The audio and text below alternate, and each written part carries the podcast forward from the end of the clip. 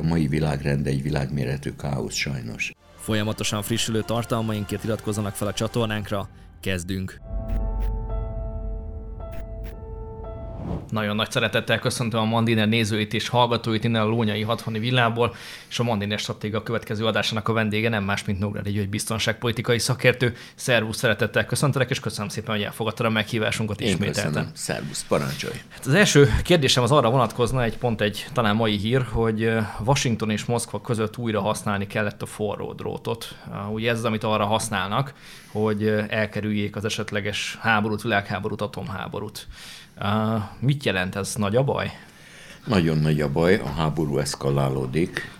Volt 1960-ben egy amerikai professzor, Kán, aki megírta az eszkaláció történetét, ahol azt mondja, hogy a csodálatos jó viszonyból ez a nulla pont, a 44-es pont az általános atomháború, hogy jutok el oda. Mi a lényeg? Hogy elkezdődött a kiépítése a forró drótoknak a különböző fővárosok közt, hogy bármi történik, legyen kapcsolat. Egy, a Zelenszky naponta közé teszi elnézést a csacsiságait, most utoljára azt, hogy az oroszokat zárják ki az Európai Biztonsági és Együttműködési Szervezetből, amikor ukrán rakéta becsapodott Lengyelországba, közölte, hogy ez orosz, gyakorlatilag világháború szélére próbálta sodorni a világot, hihetetlen nagy kárt okoz, előbb-utóbb csak rájönnek a nyugatiak. A következő megjegyzésem az, hogy nagyon nagy a kár, de elkezdődött a konzultáció a CIA és az FSB főigazgatói, tehát a két titkosszolgálat főigazgatói konzultáltak Ankarába. Egyiptomban elkezdődtek az orosz-amerikai leszerelési tárgyalások, ez egy nappal ezelőtt abban maradt, a Nemzetközi Atomenergia Ügynökség főigazgatója és a Rosszatom főigazgatója leült tárgyalni, az orosz vezérkari főnök és a NATO-ba a katonai bizottság elnöke szintén négy csillagos tábornok leültek tárgyalni, tehát a tárgyalások folynak, de annyit Akkor... látni kell, hogy ez nem a fővonal. A valami fő... elkezdődött azért? Valami elkezdődött, de ez a valami elkezdődött, ez nem változtat azon az általános helyzeten, hogy horribilis pénzbe kerül Ukrajna. Én kiírtam, nem veszem elő a papírokat, négyszer annyit költ a ukrán titkosszolgálat saját kiadásaira jövőre, mint idén. Az ukrán hadsereg hetesszer annyit költ jövőre, mint idén. A GDP-ből majdnem 20%-ot katonai kiadásra fordítanak, az ország állandóan követel, most éppen követelt ő a Patriot rendszereket, hogy adják át nekik a vaskupolát Izraeltől, tehát nem azt látom, hogy kér, és a NATO főtitkára pedig azt mondta, hogy értsük meg, hogy Európa pénzzel fizet a ukránok a vérükkel. Én egy kicsit máshogy látom, de ez egy más kérdés. Tehát tényleg megyünk bele a válságok sorozatába, és nagyon-nagyon jó az, ha a forró dróton Moszkva és Washington tud egymással konzultálni. Mi lesz akkor a következő pont, ugye, hiszen ugye sokan várták azt, hogy akkor elkezd Moszkva és Washington egymással tárgyalni. Sokan várták azt, hogy akkor itt most majd hirtelen nagy megfejtések lesznek. Ez egy lassú lépésről lépésre menő folyamat, vagy pedig hirtelen lesz egy változás? Itt bármi történhet, de látni kell, hogy az amerikai stratégiában az van benne, hogy Oroszországot amennyire lehet vissza kell szorítani. Amikor létrejön a NATO 49. április 4 mi a jelsz, hozd amerikaiakat be, nyomta németeket le, nyomta az oroszokat ki.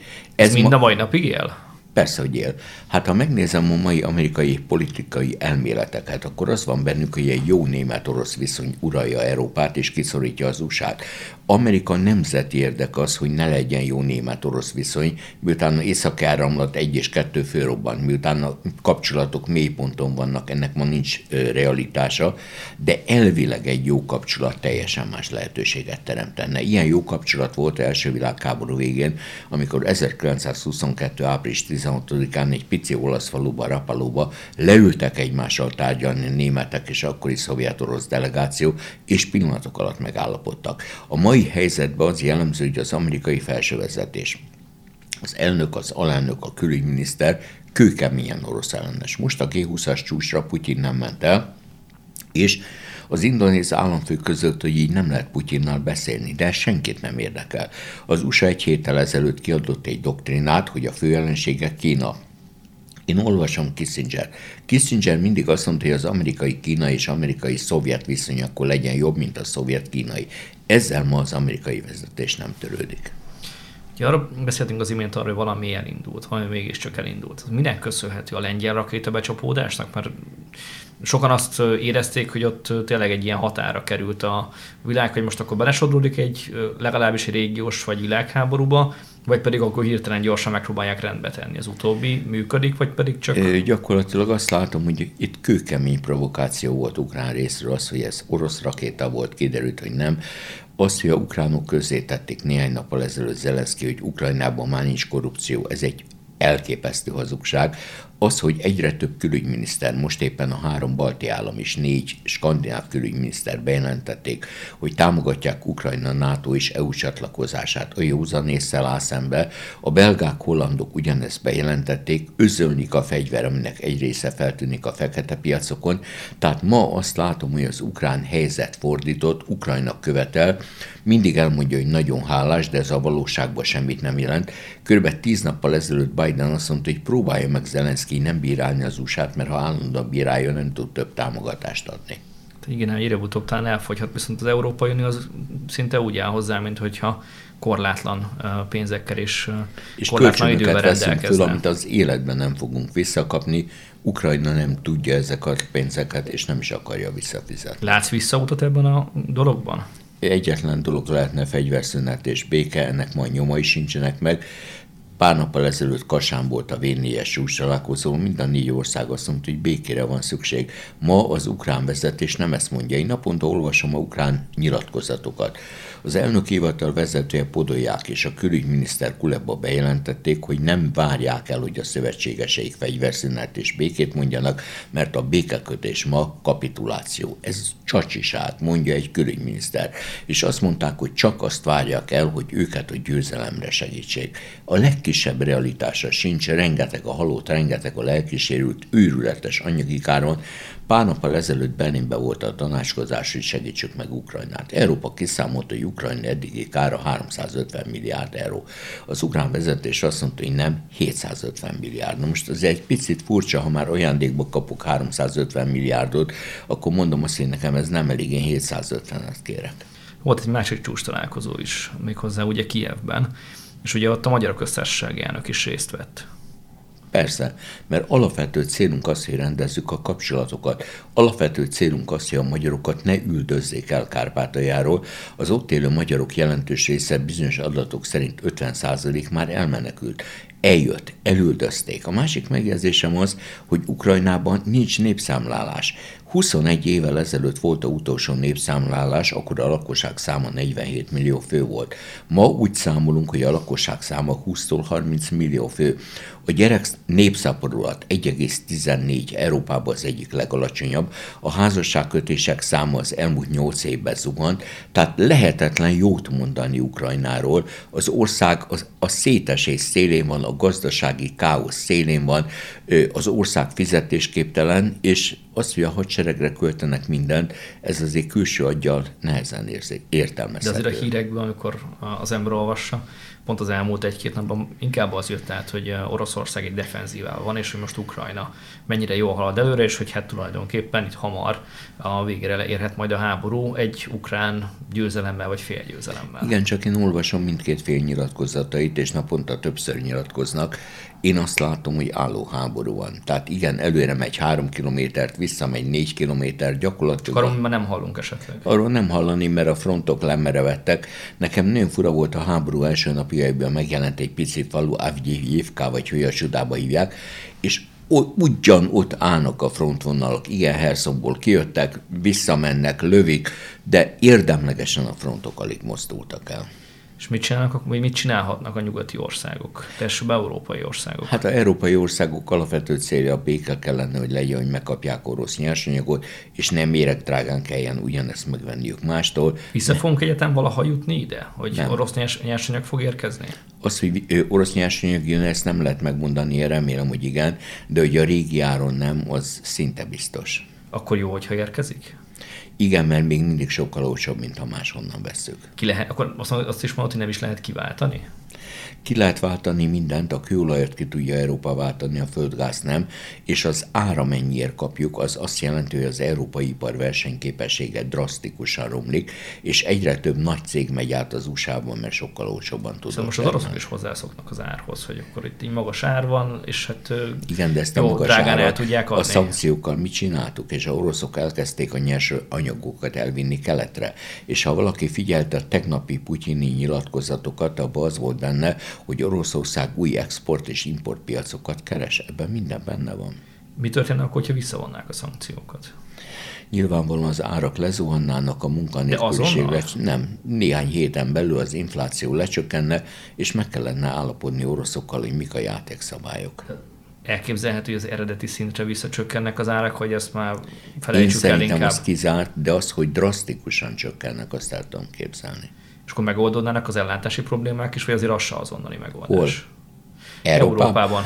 Döntően megoldódnának. Persze, hát a oroszoknak európai piac jó volt, az, hogy mind a két vezetéket fölrobbantották, már elmondták azt, hogy ezt belátható időn helyre lehet állítani, ha lesz ilyen európai igény, és ha figyelembe veszük, hogy senki nem meri kimondani a vezetékeket, kik robbantották. Ja, mondtál egy ilyet, hogy az amerikaiaknak nem érdeke az, hogy Európa, főleg németek, franciák az oroszokkal valami jó kapcsolatot ápolnak, de akkor, ha jól értem, akkor viszont azt is mondhatja a németeknek és a franciáknak viszont érdeke lenne az.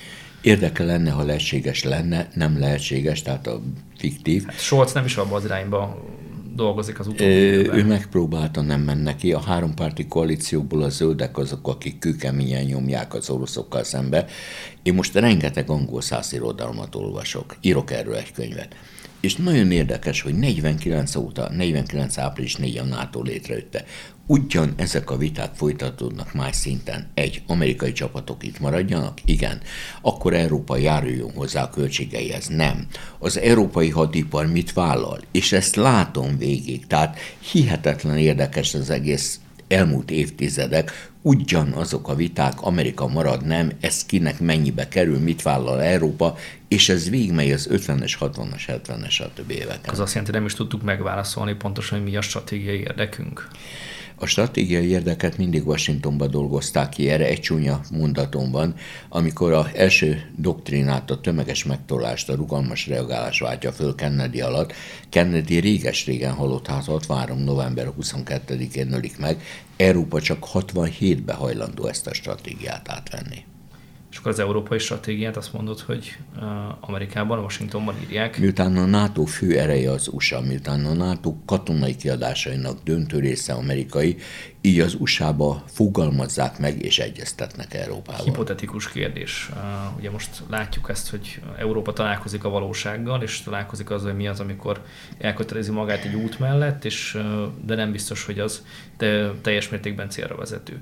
Elképzelhetőnek az egész helyzetnek a végeredménye az lesz, hogy Európa rájön arra, hogy saját maga stratégiáját saját magának kell írnia? Nem. Erre egy egyetemi tanár rájöhet, a politikus nem. Eleve a lakosság nem kapja meg azokat az információkat, hogy ez alapján szavazzon plusz. Európa olyan fokon nem egységes, hogy nem tudja ezt megcsinálni. Elméletileg igen, gyakorlatilag nem. Kissinger mondta évtizedekkel ezelőtt, hogy tessék mondani, kit kell fölhívnom, ha Európával akarok beszélni. Ez ma ugyanolyan igaz, mint akkor. És egyes országoknál van azért arra lehetőség, hogy meggondolják magukat, és azt mondják, hogy jó, akkor én nem tudok kezdve mi a saját kezünkbe veszük az irányítást. Nem tudja megtenni. Egy Tehát se Európában? Egy egységes Európa meg tudná tenni, az USA mindent meg fog tenni, hogy egységes Európa ne jön létre, ez a nemzeti érdeke, de ha megnézem, az európai politika fordul, de rendkívül lassan. A svéd, az olasz választások azt mutatják, hogy fordul.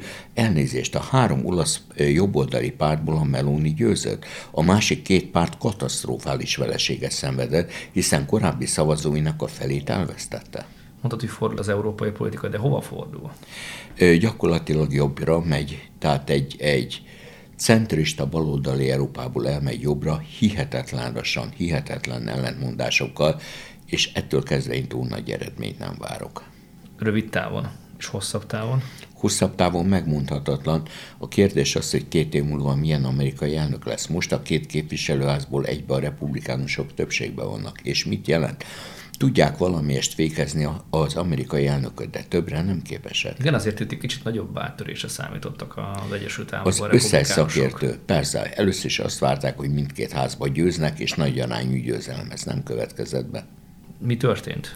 Egy, egy helyi szavazáson az emberek a helyi jelöltekből választanak. Kettő, a republikánus párt rendkívül megosztott, hogy Trump vagy nem Trump. A Trumpot imádják, és a Trumpot gyűlölik. Tehát a Trump lehet, hogy rengeteg szavazatot hoz, de legalább annyit visz. Most készülünk már lassan a következő elnökválasztásra. Lehet esélye Trumpnak? Ő bejelentette, hogy indulni akar a republikánus pártnak kell eldönteni, hogy hajlandó-e Trumpal még egyszer harcba menni. Amikor Trump győzött egy más világpolitikai, világgazdasági helyzet volt, meglátjuk, hogy Trump erre alkalmas. Nem valószínű, hogy ő azt mondják, hogy akkor automatikusan őt kiválasztják, és vele indulnak harcba, nem valószínű, hogy előválasztás. Ha előválasztások lesznek, az mindig egy óriási tanulság. Hát a Bush papa elnök volt, a Bush fiú elnök lett, amikor a harmadik Bush, a, ő, ifjabb Bush testvére akart indulni az erős, rongyá verték, visszalépett. Hát ez nem feltétlenül egy rózsás helyzetet vázoltál fel amerikai szinten sem. A kínai közmondás úgy szól, hogy a szép szavak nem igazak, az igaz szavak nem szépek. Pont. És hogy szól az amerikai közmondás? A mexikói közmondás úgy szól, hogy oly távol a jó Istentől és oly közel az Egyesült Államokhoz.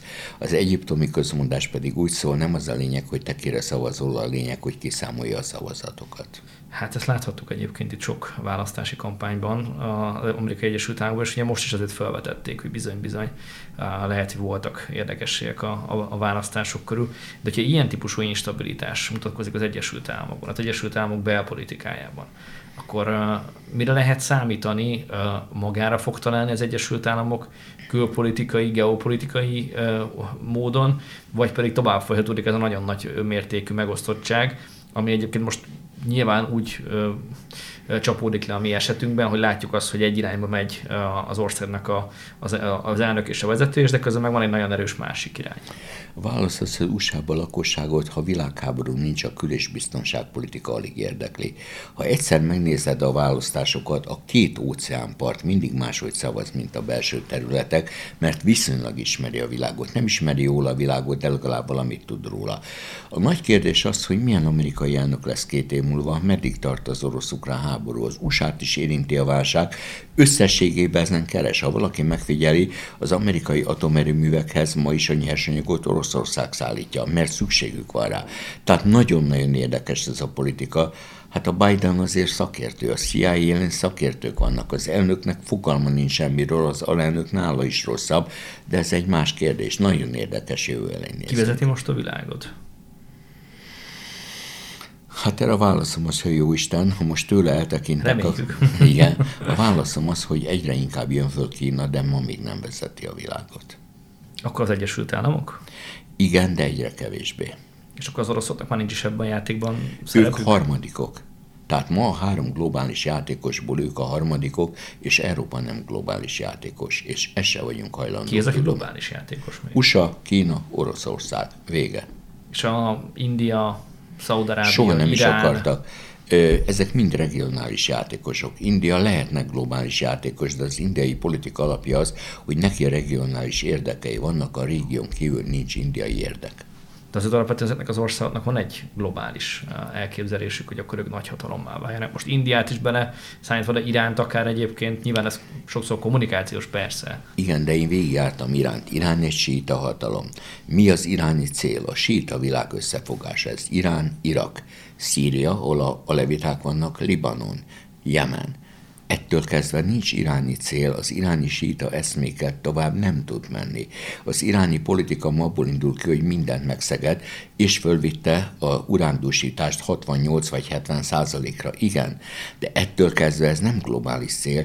Én nagyon kíváncsi leszek, ma lesz a iráni-amerikai focimes, hogy milyen politikai következményei lesznek, hogy az eredmény mennyi, az egy teljesen más kérdés. Akkor mondhatjuk, hogy azt a megállapodást, amit sok ország hozott tető alá Iránnal, még talán tíz év, vagy nem egészen tíz évvel ezelőtt, azt kidobták a kukába most? A válasz az, hogy igen, de mindkét oldal. Tehát ezt a megállapodást a biztonsági tanács öt állandó tagja és Németország hozták létre. Világos, csak ugye ha visszaemlékszünk akkor arra az időszakra, akkor az embernek az jut eszébe, hogy egy folyamatos fenyegetettség vagy fenyegetés érzést próbáltak meg a médián keresztül a világ felé közvetíteni, hogy Irán bármikor atomhatalommá válhat, bármikor megtámadhatja elsősorban Izraelt, az Egyesült Államokat, Európát, Szaudarábiát. Szaudarábiát nyilván, de hogy most mégse ez a, a helyzet valahogy mert a európai országok atomalkut folytatni akarták, Trump felmondta, ettől kezdve, hogy Trump felmondta, Irán is fölmondta, tehát egyik oldalon a hat hatalomból egy fölmondta, a másik oldalon Irán, a másik öt hiába akarta folytatni az atomalkut, ettől kezdve jogilag és gyakorlatilag ez lehetetlen ez volt. azt jelenti, hogy Irán most már egy olyan úton jár, hogy akár atomhatalommá válhat? Belátható időn belül kíváncsiak, hogy milyen amerikai és izraeli és szaudi válaszlépések lesznek. Szaudarábia ma már fő ellenségének a síta Irán tekinti az öböl túloldalán. Igen, azért emlékszünk, hogy korábban voltak megoldások erre, ugye a Stuxnet vírussal, a, a, valószínűleg izraeliek vagy ameri- és amerikaiak Igen, csak ez megint egy rövid távú megoldás volt. Tehát hát aztán meg, megöltek egy pár atomtudóst. Igen, de a iráni atomprogram folytatódott. Tehát ez egy nagyon érdekes dolog. Az iráni... Ezzel azt is mondod, hogy akkor az eldőlt kérdés, hogy előbb-utóbb, de Irán át fogja törni azt a pontot, és Nem. Irán mindenképpen... Én azt mondom, hogy ma az atombomba előállításának küszöbén áll, a kérdés az, hogy lesz-e politikai alkú, ahogy kinéz ma nem, lesz-e katonai csapás, ezt meglátjuk, erre jósolni lehetetlen. Nyilvánvaló az, hogy Szaudarábia benne lenne abban, hogy Irán ellen föllépni, bárki lépjen föl. De most az Egyesült Államok nem lenne feltétlenül benne. A demokraták alatt kevésbé lenne benne. Trump Meg hát, ugye, bocsánat, de le is van kötve azért Oroszországgal. Ukrajnán Igen, keresztül. de ahhoz van ereje, hogy egy középhatalom ellen föllépjen. Ez egy őrületes vita, hogy az USA egyszerre hány háborút tud megvívni. Ennek óriási irodalma van, Erről egyszer lehet beszélni. Az amerikai elképzelés mindig az volt, hogy két és fél, két nagy és egy kicsi, akkor másfél. Tehát ez egy hosszú-hosszú játék. De gondolom nem akarják kipróbálni, hogy most hányat képes, képesek Remélem, ebben a helyzetben. Remélem, még szeretnék ahhoz, amelyek vacsorázni. Lesz lehetőség mindenképpen, de azért előtte beszéljünk már egy picit még a geopolitikai kérdésekről, méghozzá Oroszország szempontjából.